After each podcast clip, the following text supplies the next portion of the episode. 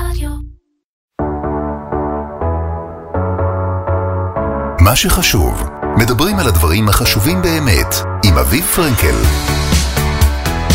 שלום, אני אביב פרנקל ואתם מאזינים ל"מה שחשוב", והיום מה שחשוב בסייבר והסכנות ברשת. פודקאסט בשיתוף כלל, ביטוח ופיננסים.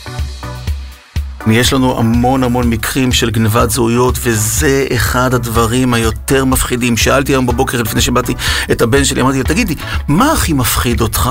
אומר לי, אבא, שיטרידו אותי ושיגנבו לי את הזהות שלי. אמא נחמדה מתקשרת אליי בוכה. מה מסתבר? פרצו לוואטסאפ שלה, לקחו את הזהות ודיברו בשמה עם הילדה. אמרו לילדה לרדת למטה, אמא מחכה. בואי תרדי למטה לעזור לי עם הסלי קניות.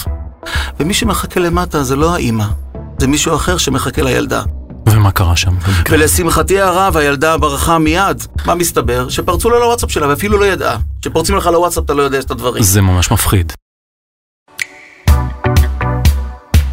היום אנחנו יודעים שכדי לדאוג למשפחה שלנו אה, לא מספיק לשים סורגים ואזעקה אה, בבית, לתכנן היטב את העתיד הפיננסי שלנו, לדאוג לתזונה טובה, לרפואה טובה, פשוט כי החיים שלנו נמצאים ברשת. כמעט 24/7 אנחנו מחוברים לטלפון, למחשב, לכל המוצרים הדיגיטליים האלה אה, והחיים הדיגיטליים האלה גם רצופים בסכנות. אז הנה כמה נתונים. בשנים האחרונות אנחנו עדים לזינוק במקרים של גנבת זהות. 46% משנת 2018 ל-2019 אה, וזה רק אה, מתגבר ומסתבר שזה מתגבר גם בתקופת הקורונה. זה הקצין. צ'ק פוינט למשל, חברת אבטחת המידע, זיהתה uh, בתקופה האחרונה 192 אלף מתקפות בכל שבוע, שזה עלייה של uh, 30 אחוז בתקיפות משבועות uh, קודמים. והמתקפות האלה הן מגוונות, מדברים על בריונות ברשת, שמי, גנבת זהויות, פשעי כופר, גנבת כספים אונליין ועוד, ועוד הרבה. אז כדי לדבר על מה שחשוב בתחום הבטיחות המקוונת שלנו, שוחחתי עם גלעד האן, שהוא חוקר עבירות ופשעי מחשב.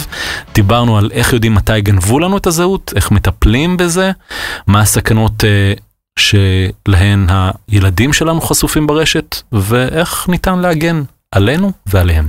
אהלן גלעד. היי. תספר לנו קצת, מאיפה הגעת למקצוע הזה, חוקר פשעים ועבירות ברשת? כן, חוקר סייבר, או חוקר מחשב מיומן כהגדרתו בחוק המחשבים. במשטרה, התחלתי שם לפני הרבה מאוד שנים. הייתי חוקר במגוון רחב של תחנות, יחידות, mm-hmm. ובעשור האחרון לשירותי בצוות הסייבר, עבירות המחשב של משטרת ישראל. Mm-hmm. אנחנו היינו היחידה הראשונה שהוקמה mm-hmm. בנושא עבירות רשת. בוודאי זוכרים את המקרה של אופיר רחום, זיכרונו לברכה, שנרצח כאשר הלך לפגוש מישהי שהכיר אותה ב-ICQ. Mm-hmm. ואז הבינו ש... האינתיפאדה השנייה, כן, כמובן פלסטינאית ש... כן, מונה ששוחררה בעסקת שליט דרך אגב. Mm-hmm. הדברים האלה היו מאוד דינמיים והמשטרה לא ידעה לאכול את זה, ואז חיפשו אנשים שמבינים, שפתאום הבינו ש-ICQ יכול להרוג אנשים. Mm-hmm. אז uh, הקימו את הצוות ומאז התפתחנו מאוד, ואני שמח היום שכבר יש יחידות סייבר כמעט בכל מקום, בכל תחנה. אז שמענו עכשיו על הממדים של התופעה, 192 אלף מקרים שקרו השבוע. אני מתאר לעצמי שלא כולם כאלה חמורים, אז, אז באלה, באלה סוגי עבירות אתה uh, נתקע למשל? הנתונים לא מעודדים. הנתון הזה של 192 אלף מקרים הוא בהחלט נתון מזעזע, תחשבו, זה כל, כמעט כל 20 שניות מתבצע פשע, mm-hmm. אבל למעשה אנחנו מדברים על כ-61 מיליון פשעים בשנה. למעשה בכל שנייה בישראל מבוצעים שני פשעים ברשת. בכל שנייה. רק בישראל? רק בישראל, שני פשעים ברשת. ומה הפשעים הכי נפוצים? ואנחנו יודעים שהפשעים הם באמת מגוון רחב של אירועים. אם פעם זה היה במקומות אחרים, בחוץ, ברחוב, היום העבירות עברו לחדרי חדרים, ועוד יותר גרוע, לכף היד של הילדים. Mm-hmm. היום צריכים להבין שהפגיעה אצלנו בבית. וכמובן זה יכול להיות דברים קטנים, כמו גנבת זהות, שמבחינתנו זה דבר קטן לטיפול, אבל מבחינת הנפגע... סוף העולם קרה. כלומר, מישהו התחזה לילד שלך. כן, לקח את הזהות שלו, לקח את התמונה, רק יום בבוקר קיבלתי הודעה ממנהלת בית הספר שהתחזו לתלמיד, נכנסו לשיחת זום, לימוד מרחוק, ועשו שם הפצה של תכנים מזעזעים. הנה, דוגמה הכי פשוטה לגנבת זהות בבית שלך, והטרדה מינית בוטה. אנחנו יודעים, אנחנו יודעים על עבירות של עידוד לצריכת חומרים אסורים, קשר עם זרים. בישראל תקשיבו טוב למספרים, כ-140 אלף פדופילים, כ-2% מהאוכלוסייה, הם לא מסתובבים בסמטה אפלה. כל השומעים צריכים להבין שזה בבית שלהם נמצא. 140 בכף אלף היד של. הילדים, בזהויות שונות, פרופילים שונים, אינטראקציה יומיומית. אולי שמעתם את המונחים מיקמק, מוגובי, Clash of Clans, Clash Royale, Minecraft? שמעת משחקי משחקי רשת נהדרים? כן. משחקי רשת, אינטראקציות. שם מסתתרים אותם עבריינים. בזהויות שונות, פרופילים שונים, וצדים את הקורבנות. אם זה בטיק טוק שעושים תגובות, בהחלט מגוון רחב של עבירות אנחנו רואים, אז גם בריונות ושיימינג, כי האינטראקציה עברה לרשת ושם הפגיעה. אם פעם היה לקלל מישהו בבית ספר, היום זה ברשת, וה...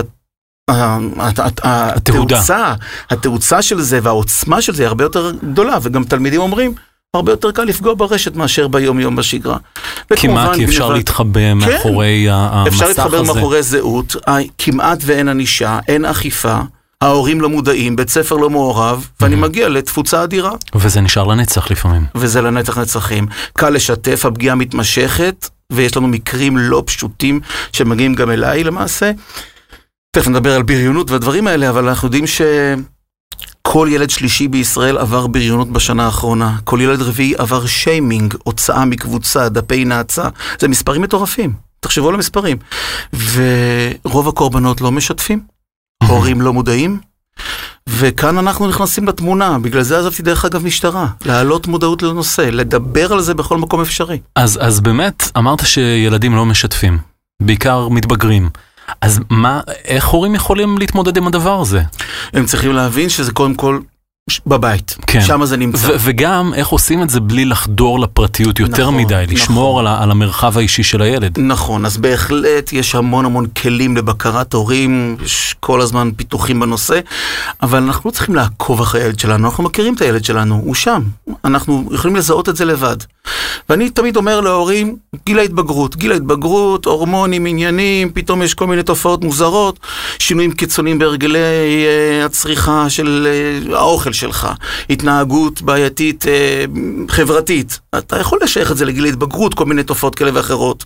התמרדות, אה, ניתוק מההורים. אבל אלה תופעות שהיו תמיד. נכון, אבל היום ההורים צריכים להבין, להכניס לראש עוד נקודה אחת קטנה, שלשייך את זה גם לרשת.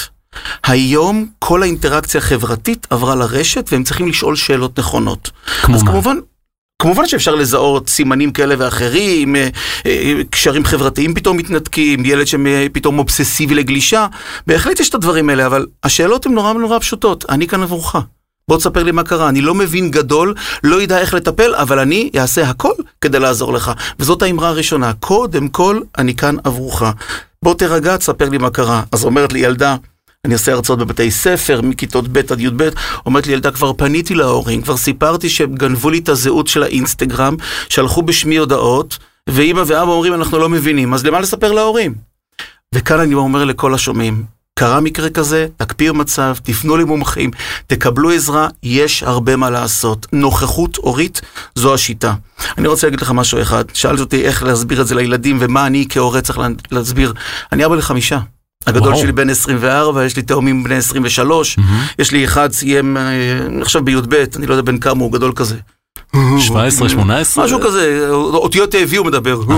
אוקיי. ואחד בכיתה, אה, אחד בכיתה A, ואמרתי לילדים שלי, ואני גר בקיבוץ, נחמד נורא, תעשו לאבא שלכם טובה. טובה אחת קטנה. אם רצים לכביש בעיניים עצומות, הסיכוי שניפגע עולה פי כמה, נכון? ולכן שני דברים, אחד לכביש לא רצים, שתיים לפתוח את העיניים. לעצור, להסתכל, לקבל החלטה. אני כאן עבורכם, אני אעזור לכם, אבל אתם, קחו אחריות בבקשה.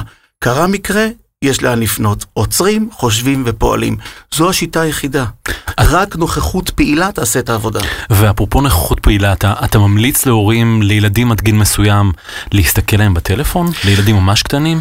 תראה, אני כן בא ואומר שיש לנו חובה הורית, אחריות הורית ושילוחית מלאה. רוצה לומר, אם הילד שלי נפגע או פוגע באחרים, ואת זה גם צריכים להבין, שהילדים פוגעים ונפגעים, האחריות היא שלי כהורה. מבחינת תביעות נזיקין בוודאות, עד גיל 18, ההורים משלמים, יש עשרות דוגמאות על תביעות נזיקין. אני בא ואומר את הדבר הבא, לא למעקב בלתי פוסק, לא לריגול. אני לא צריך להיות השוטר של הילד, אני כן צריך ללוות אותו, להחזיק לו את היד ולחצות איתו ביחד את העולם הזה. ולפעמים, כן, בנוכחות הילדים, לקחת ביחד, לא לבד, לא בהיחבא, ברור. לעבור ולהסתכל. יש מקרים שאין ברירה וכן שווה לשים תוכנות בקרה. עכשיו, תוכנות בקרת ההורים היום הן נורא נחמדות. הן לא פוגעות בפרטיות בצורה גסה. אני לא צריך לראות את כל ההיוש ביוש שהבת שלי רשמה לחבר שלה, את כל ה... אז מה, הן מניפות דגל אדום? מה אני, בדיוק. הן מתריעות על משהו בעייתי שהתרחש, שזה אירוע קיצוני. מזהות טקסטים בעייתיים, תמונות בעייתיות, ואני יכול לקבל אינדיקציה מאוד מאוד יפה אם ילד שלי פוגע או נפגע. היא עובדת לשתי הרמות. ולכן אני בא ואומר, אצל ילדים צעירים כדאי לצמצם חשיפה למסכים כמה שניתן. באיזה גיל היית נותן לילד מסך? אצלי זה מכיתות ו' ומעלה. מכיתות ו'. מסך, מסך אישי, מסך, לא מסך מסך אישי. אה, למשחק אה, כמה היה שעות. סמארטפון ביתי, כמו שפעם היה מחשב מרכזי, היום יש אהה. סמארטפון ביתי. אפשר להשתמש, אין שום בעיה, שעות מוגבלות, זמן מסכים, ללמוד את היום בתכנים אחרים. אה, סוף כיתה ו' אתה עולה לחטיבה, אתה חייב את הדבר הזה בכף ידך, גם ללימודה מרחוק. חברתית. ועכשיו- חברתית, וגם למידה מרחוק, ובכלל, אתה נער מתבגר, אין שום סיבה שלא יהיה לך. וכאן נכנס כמובן הנחיות, אני כתבתי באתר שלי את עשרת הדיברות לגלישה נכונה, וכמובן המון המון הדרכה. לשבת ולבדוק, ואם אין ברירה ואין שיתוף פעולה, אז הורה יכול לשים תוכנת בקרת הורים, אפילו לזמן קצוב, מהמם. לקבל אינדיקציה, מה שם קורה, וכך לעזור לילד שלו. כי כאשר מתקשרים, הילד שלי כבר במצב גמור, נפגע, אנחנו יכולים לטפל, אין בעיה, אבל בואו נעשה את המניעה. בואו נזהה את הסכנות, ניתן את הכישורי חיים, נלווה את הילדים ונתנה. הבת שלי אומרת לי, אבא, כסף לבילויים, כסף לשיעורי נהיגה, אבא, אני רוצה לעשות עם חברות, לזה אני טוב, נעליים חדשות, למה לזה אני לא טוב? לשבת ולעבור, אבא, אתה חופר. נכון, זכותי המלאה להגיד לך, ילדה, יש לך תמונה לא כל כך צנועה. מהמם. זה חובתי. אני רואה בעיר, שאני מגיע להרצאות, משמרות זהב. אלה עם השלטים הנחמדים, כיתות כן. ו', זהב, זהירות בדרכים. נכון. חשוב. זהירות בדרכים עם חשוב. הווסטים הצהובים. נכון, איזה כיף זה, וגם נורא חשוב, גם אחריות אישית וגם עזרה לאחרים, אבל יש משהו אחד שאנחנו מפספסים, כי זהב זה גם זהירות ברשת, אותם ראשי תיבות, ולא ראיתי משמרות. הנה נתון, 918 ילדים נפגעו ביולי-אוגוסט בחודשי הקיץ החמים, לא הקורונה, לפני שנה, מהמם. בכבישי ישראל. 918 ילדים בכבישים. ובכל יום בישראל נפגעים בבתים, בכף היד, וזה מה שצריכים ההורים להבין, גם הילדים. כ-270 ילדים. בכל יום.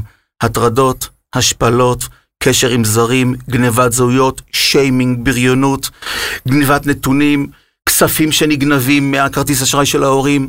הזכרת קודם אה, גנבת זהות. אתה יכול להרחיב קצת מה זה אומר ובעיקר איך זה יכול לפגוע? כן, יש לנו המון המון מקרים של גנבת זהויות, וזה אחד הדברים היותר מפחידים. שאלתי היום בבוקר, לפני שבאתי את הבן שלי, אמרתי לו, תגידי, מה הכי מפחיד אותך? אומר לי, אבא, שיטרידו אותי ושיגנבו לי את הזהות שלי. כיתה ה'. אמרתי לו, למה אתה אומר את זה? אבא, אתה יודע כמה מקרים שיש מתחזים כאלה ואחרים שמטרידים ומציקים? אני רוצה להגיד לך משהו אחד, אנשים לא מבינים את העוצמה. גונבים לך את הזהות, אפשר לעשות כל כך הרבה עבירות בשמך. אני אתן לכם דוגמה הכי פשוטה, וסיפורים. יש לי אלף ואחת דוגמאות. לא רחוק מכאן, אנחנו באזור המרכז, לא רחוק מכאן. אמא נחמדה מתקשרת אליי בוכה. מה מסתבר? פרצו לוואטסאפ שלה, לקחו את הזהות ודיברו בשמה עם הילדה. אמרו לילדה לרדת למטה, אמא מחכה. בואי תרדי למטה לעזור לי עם הסלי קניות. ומי שמחכה למטה זה לא האמא, זה מישהו אחר שמחכה לילדה. ומה קרה שם? ולשמחתי הרב, הילדה ברחה מיד, והאימא התקשרה בהיסטריה אחרי שהילדה התקשרה לאימא, אימא, למה את לא... מישהו אחר שם היה.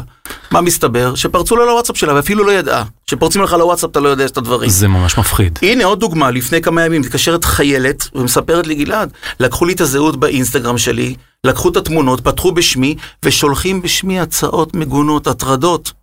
ואני מקבלת אליי, כי שמו את הטלפון שלי, את כל הפניות. המפקד שלה אומר לה, מה את מטרידה? מה את שולחת תמונות חצי עירומה? חיילת אומרת, מתה מפחד, מה עושים? יהיה אלף ואחד סיפורים. היה לי מקרה של בכיר בתעשייה האווירית, שפשוט נער בן 17, באמצעות שיטה נורא פשוטה, פרץ למייל שלו, ויש אלף ואחת שיטות לפרוץ לך לחשבונות, אה, גנב את הזהות שלו, ואמר לו, אדוני, אם לא תשלם כופר מהמם. תמורת המייל, אני אקח את כל המידע ואשתמש בו לרעה. אז מה הוא עשה? שוב פנה למוחם סייבר, איתרנו את הנער בן 17 הזה. ישראלי? ישראלי, בן 17 מאזור המרכז, בחור מבריק. עכשיו, במקום לקחת אותו לכלא, לקחנו אותו למקומות אחרים, שישתמש ב- בידע שלו. מה, הוא גויס ליחידה אה, מיוחדת? כן, בצבא משתמשים בו עכשיו בצורה מאוד מאוד טובה. אבל, אבל צריכים להבין שברגע שגונבים את הזהות שלך, זה פשוט נורא. תחשוב שמישהו אחר עושה בשמך פעולה. מתקשרת אליי אחת שמנהלת דף פייסבוק של נשים. פרצו את הזהות שלה, המנהלת של הקבוצה, ושולחים בשמה הודעות, אינטראקציה עם נשים, ומציעים כל מיני הצעות, ומבקשים תמונות ופרטים. יש מגוון רחב של סיכונים.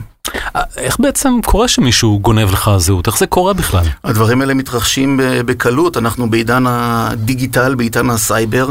היום אנחנו מקבלים הודעות כאלה ואחרות, פרסומת שקפצה, סקר שנכנס, לחץ על קישור, הורד את התמונה. זה יכול להכיל קוד זדוני. Mm-hmm. אני יודע ש...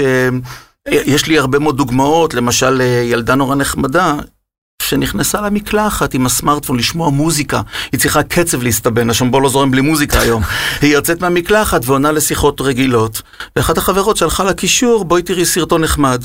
לחצה על הקישור, סרטון נחמד, אין בעיה. Mm-hmm. אבל בתוך הסרטון היה קוד זדוני שמאפשר הדלקת מצלמה, וצילמו אותה מחליפה בגדים בחדרה.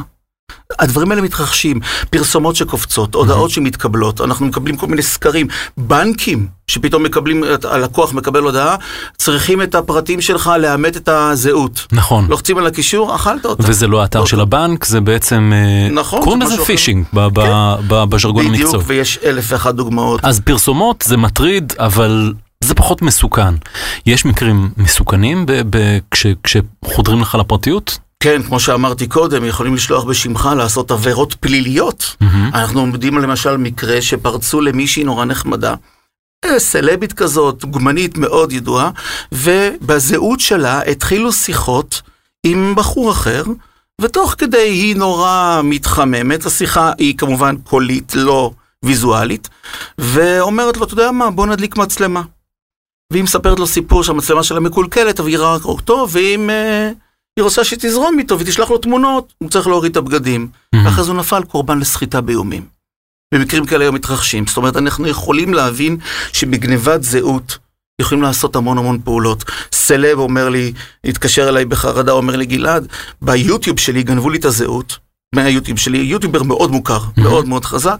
אומר, ומפיצים בשמי הודעות, מקללים אחרים, אומרים שזה אני, אני מאבד בשנייה אחת את כל המקום שלי, את, mm-hmm, את השם הטוב. את השם, נכון, את שמי. והדברים האלה בעייתיים. מדהים. אה, אז אה, איך אנחנו יכולים להימנע מהדברים האלה? אם שולחים לי למשל קישור, לא ללחוץ עליו. לוודא עם הבן אדם ש, שהוא בסדר. נכון. נכון, יש המון המון פעולות לעשות קודם כל להבטחה. אנחנו מדברים היום באמת על נושא רחב מאוד. עכשיו אני רוצה להגיד משהו אחד, אין דבר כזה מניעה לחלוטין, כמו שאין מניעת תאונות דרכים. אין דבר כזה מניעה, אבל באמצעות הדרכה וכלים וגוף שעומד מסביבך, יכולים לצמצם את הפגיעה. Mm-hmm. הכוונה היא נורא פשוטה, לעשות פעולות. כמו שאמרתי בהתחלה, עוצרים, חושבים ואז פועלים. לפני שהם מקבלים קישור פרסומת כזו או אחרת, עוצרים וחושבים האם זה הגיוני.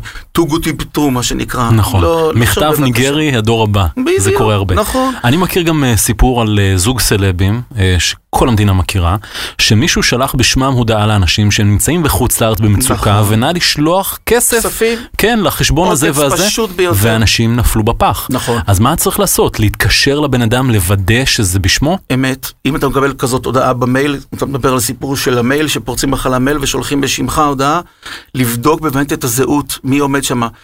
גם כאשר אנחנו רוצים לעשות פעולות, אנחנו כן משתמשים היום ברשת, אנחנו לא נזרוק את הסמארטונים ואת המחשבים, mm-hmm. נמשיך להזמין כרטיסים ולשלם תשלומים, וזה בסדר, הרשת היא טובה, אבל כדאי לעשות פעולות אבטחה. לאבטח רשתות חברתיות, להפעיל עימות דו-שלבי, אנשים מזלזלים, אנחנו היום לוחצים על כולם להפעיל בכל מקום אפשרי. היום לפרוץ לאינסטגרם שלך, לוואטסאפ שלך, זה 20 שניות עבודה. אני מעביר הרצאות בחברות, אני מראה להם איך אני נכנס לוואטסאפ של מישהו אחר תוך 20 שניות. וגם לא לחזור על אותה סיסמה בשירותים שונים. סיסמה חזקה, מורכבת מ-12 תווים לפחות, אות, מספר, סימן. הדברים האלה חייבים להיות ממש בשגרה, חלק מהאורח חיים שלנו. זה היום כישורי החיים שכולנו צריכים. ודיברת על גלישה ברשת, אתרים של בנקים, אתרי קניות, אה, ביטוח לאומי, יש אתרים שנחשבים אה, יותר בטוחים, פחות בטוחים. אז למעשה, מה שאני תמיד טוען, שאין דבר כזה קנייה בטוחה. יש אתרים בהם ניתן לקנות בצורה יותר בטוחה. Okay. אוקיי. למה הכוונה? Mm-hmm. שמת מידע ברשת, איבדת את המידע. לא משנה מה תעשה, זה כבר לא שלך. לך תדע איזה שרת, מבטיחים לך הצפנה הכי גבוהה. נהדר ונפלא. זה כבר לא שלך.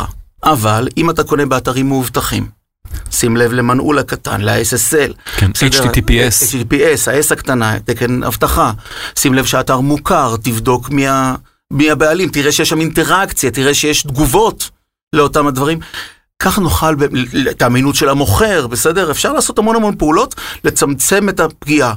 קרה מקרה ונפגעת, ברוך השם, אפשר לפנות לאשראי שלך, לביטוח שלך. להכחיש אה, את לפנות. למוכר סייבר, כן, יש הרבה מאוד מקרים. היה איזה סיפור עכשיו עם PayPal, מישהו אמר לי, עשו לי מרמה והונאה. PayPal יעזרו לך, אין שום בעיה. בשביל זה כאן נמצאים, וכמובן חוקרי סייבר כאלה ואחרים יעזרו לך לאסוף את הראיות ולהציג את זה בצורה נכונה. כן, אז, אז אמרת ש, שהשאיפה של כולנו היא לא רק להיות חכמים ו, ולדעת איך לטפל בבעיה, להיות פיקחים ולא להיכנס לצרה הזו מלכתחילה.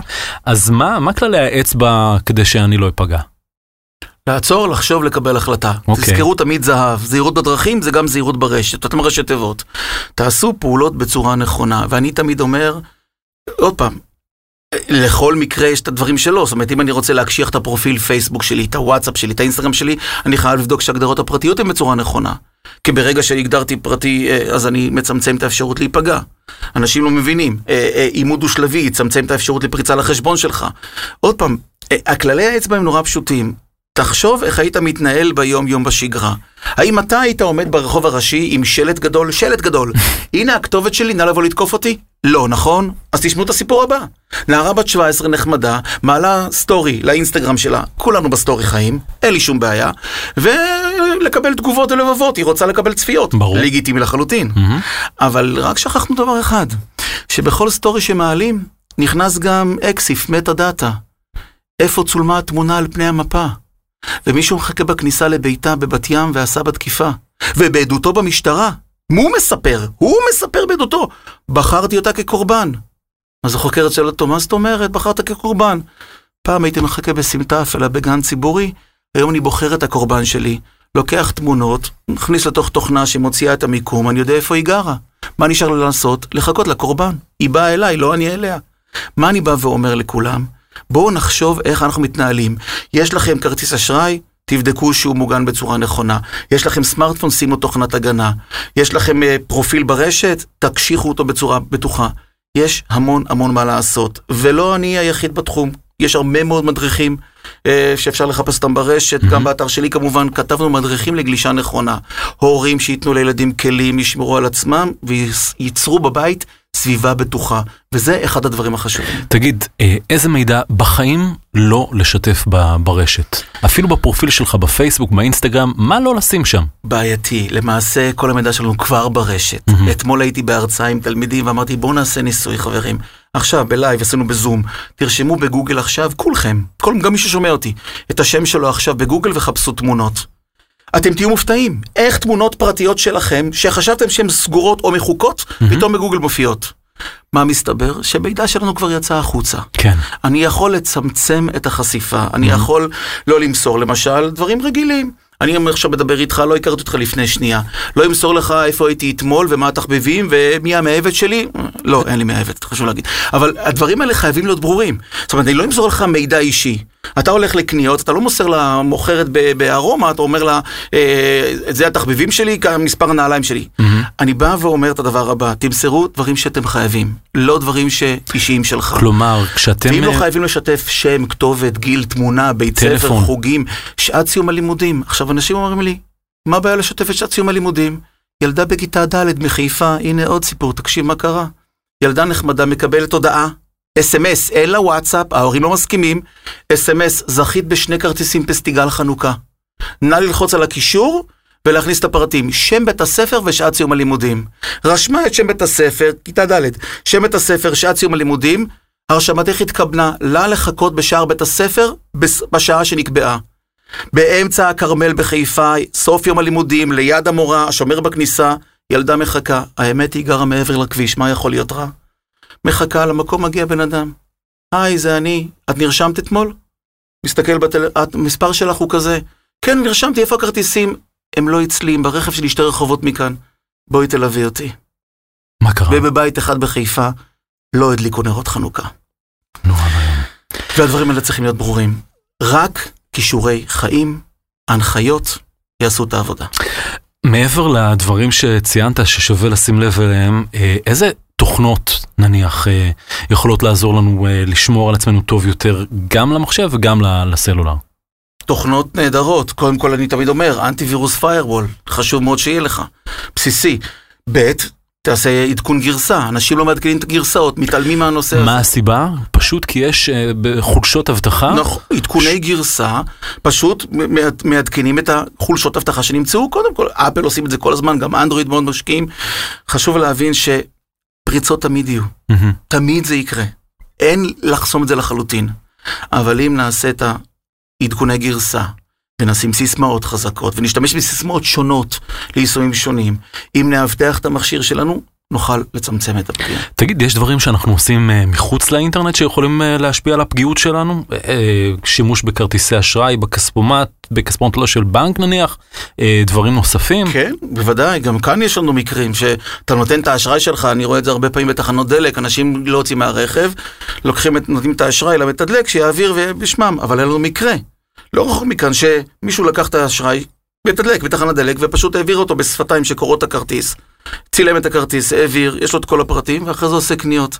הדברים האלה היום קיימים. צריך להבין שברגע שאנחנו, עוד פעם, נמצאים בחוץ, אנחנו עושים בכבישים. היום רכבנים מצלמים, mm-hmm. זיהוי פנים, טביעות אצבע שלנו בכל מקום. מצלמות אבטחה. מצלמות אבטחה, יש אין ספור שיטות.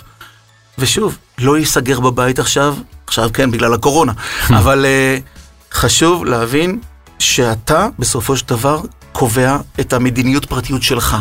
לא הרגולטור, לא המדינה. כן, המדינה זה לא אבא ואימא. וגם לא הרשות להגנת הפרטיות. שמעתי אותם אתמול בהרצאה נהדרת ונפלאה, בסופו של דבר זה נופל על הכתפיים שלך. אתה ההורה, הסביבה היומיומית שלך, אתה צריך לאבטח אותה ולדאוג שיהיה לך סביבה נעימה. ואם חלילה וחס קרה מקרה, יש לאן לפנות. שאלה אחרונה, אתה יוצא המשטרה, כן. מוותיקי, אה, אפשר לומר, אה, אה, היחידות להגנת סייבר, עד כמה המשטרה בכלל אפקטיבית בכל פשעי הסייבר האלה? דבר פתוח. דבר פתוח. קודם כל, אה, אוהב את הקולגות שלי ואני עד היום בקשר איתם. חשוב להבין שהמשטרה עשתה צעדים מאוד מאוד גדולים בנושא. היום יש לנו כבר את 105, המטה הלאומי להגנת ילדים, אני גם עובד איתם בשיתוף פעולה. 105 זה? 105, 105 מכל טלפון, צריכים להכיר, אפשר להתקשר. כמו 100? סיוע ועזרה. כן, אבל 105. המוקד הלאומי להגנת ילדים עד גיל 18, הורים לילדים וילדים יכולים לקבל סיוע ועזרה. 105, זמין 24/7. נהדר ונפלא. וחוץ מזה, באמת היום יש הרבה יותר מודעות גם במשטרה. כשהתחלתי עם הסייבר, היינו ראשונים, הייתי צריך להסביר למפקד איך באמצעות הרשת אפשר לגנוב לך נתונים. לא הבין. היום הרבה יותר מודעים לנושא, הקימו יחידות, יש הרבה מאוד עשייה בתחום הזה. תמיד חסר, תמיד צריכים עוד, אבל בהחלט המשטרה התקדמה מאוד בנושא.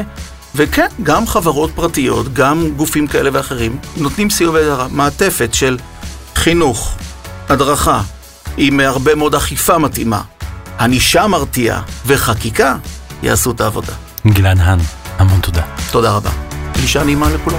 מה שחשוב, מדברים על הדברים החשובים באמת. טוב, אין ספק שגלעד אמר לנו הרבה דברים חשובים איך להימנע מתקיפה, אה, אבל מה עושים אם בכל זאת נפגענו? פתרון אפשרי אחד הושק לאחרונה על ידי אה, חברת אה, כלל ביטוח ופיננסים, זה מוצר ייעודי להגנה ברשת, מוצר ייחודי בארץ ובעולם, ואיתי נמצאת מור ממרן, מנהלת מחלקת פיתוח עסקי בכלל, שלום מור. שלום, שלום. אז מי, מי בעצם המומחים שעובדים איתכם? אז יש בעצם מומחים מכל הסוגים, בין אם זה מומחי סייבר, יועצים, מומחים לרשתות ותוכן.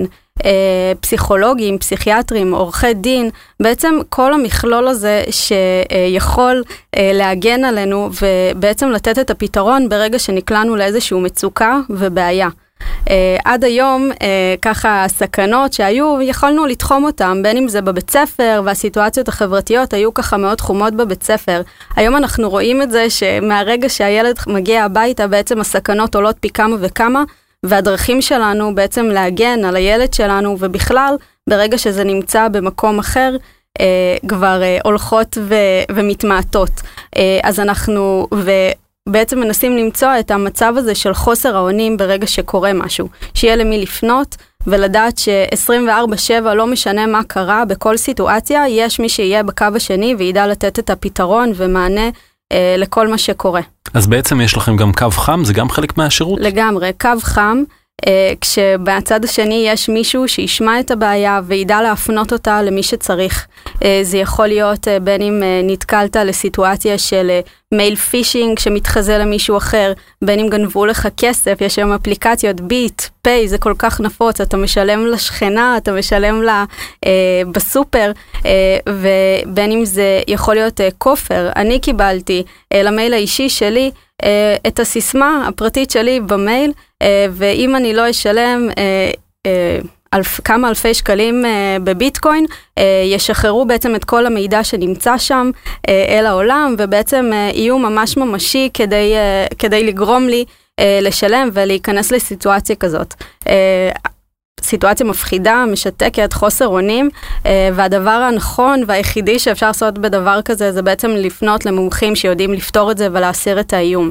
אז, אז כאן אנחנו מדברים על, על אנשים שנפגעו, אבל יש דרך שהמומחים האלה יכולים לעזור לנו אה, למנוע פגיעות עתידיות? Uh, כמעט כמו שגם גלעד אמר קודם, למנוע פגיעות uh, זה מאוד מאוד קשה. אנחנו בעצם צריכים uh, לדעת על ידי הדרכה uh, uh, לעצור, לשאול את השאלות הנכונות, לא להתפתות לכל מיני ניסיונות, אמ, אבל אני רוצה שרגע אחרי שעושים את כל ההקשבה ואחרי ההדרכות והניסיון בעצם למנוע את זה, יש מקרים שזה לא מספיק טוב, והיום אנחנו רואים גם את התוקפים הולכים ונהיים הרבה יותר מתוחכמים. פעם מייל phishing היה זכית בלוטו, אה, איזה דודה מזימבבואה הורישו לך מיליון דולר, ואנשים היו יודעים לא ליפול בזה בפח. אבל היום phishing מתחזה אחד לאחד לחשבון הבנק שלך, לנטפליקס שלך אה, ו... או ל PayPal שלך, ואנשים נופלים בזה ברשת, גונבים ככה כספים, אה, לוקחים את המידע הפרטי והכי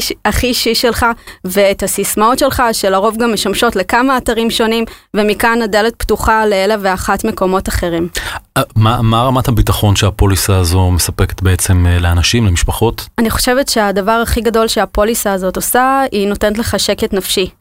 Uh, כשאתה יודע שיש לך אותה ויש לך למי להתקשר ברגע שקרה משהו, ברגע שהבן שלך uh, פתאום מסתגר בחדר ולא רוצה ללכת לבית ספר ואתה לא מבין מה קרה. Uh, ואתה מבין שיש איזה שהוא משהו שאתה לא מבין בו, כי היום אם קרה מקרה באיזושהי uh, רשת חברתית, uh, ההורה לא בהכרח יודע מה לעזור, איך לעשות ומאיפה להתחיל. וכאן בדיוק נכנסים אנשי המקצוע? בדיוק כאן uh, נכנס, אתה מתקשר, שואל, יודעים להסיר את האיום, להסיר בעצם את תוכן פוגעני שפורסם, אה, לפצות, אה, להפנות לטיפול פסיכולוגי, עורכי דין במידה וצריך, אה, ובהכל באמת בהתאם למקרה שקרה. אז איפה מוצאים עוד פרטים? אז את כל הפרטים אפשר למצוא באתר של כלל, ביטוח סייבר למשפחה, הגנה ברשת, אפשר לרכוש ממש בכמה שלבים פשוטים. וגם ניתן להצטרף דרך סוכן הביטוח. אז חשוב להדגיש, כל מה שאמרנו לא מהווה ייעוץ, זה גם לא תחליף לייעוץ עם אה, מומחה בנושא, וכמובן כפוף אה, לתנאי הפוליסה והחברה. אה, מור ממרן, תודה רבה. תודה לך.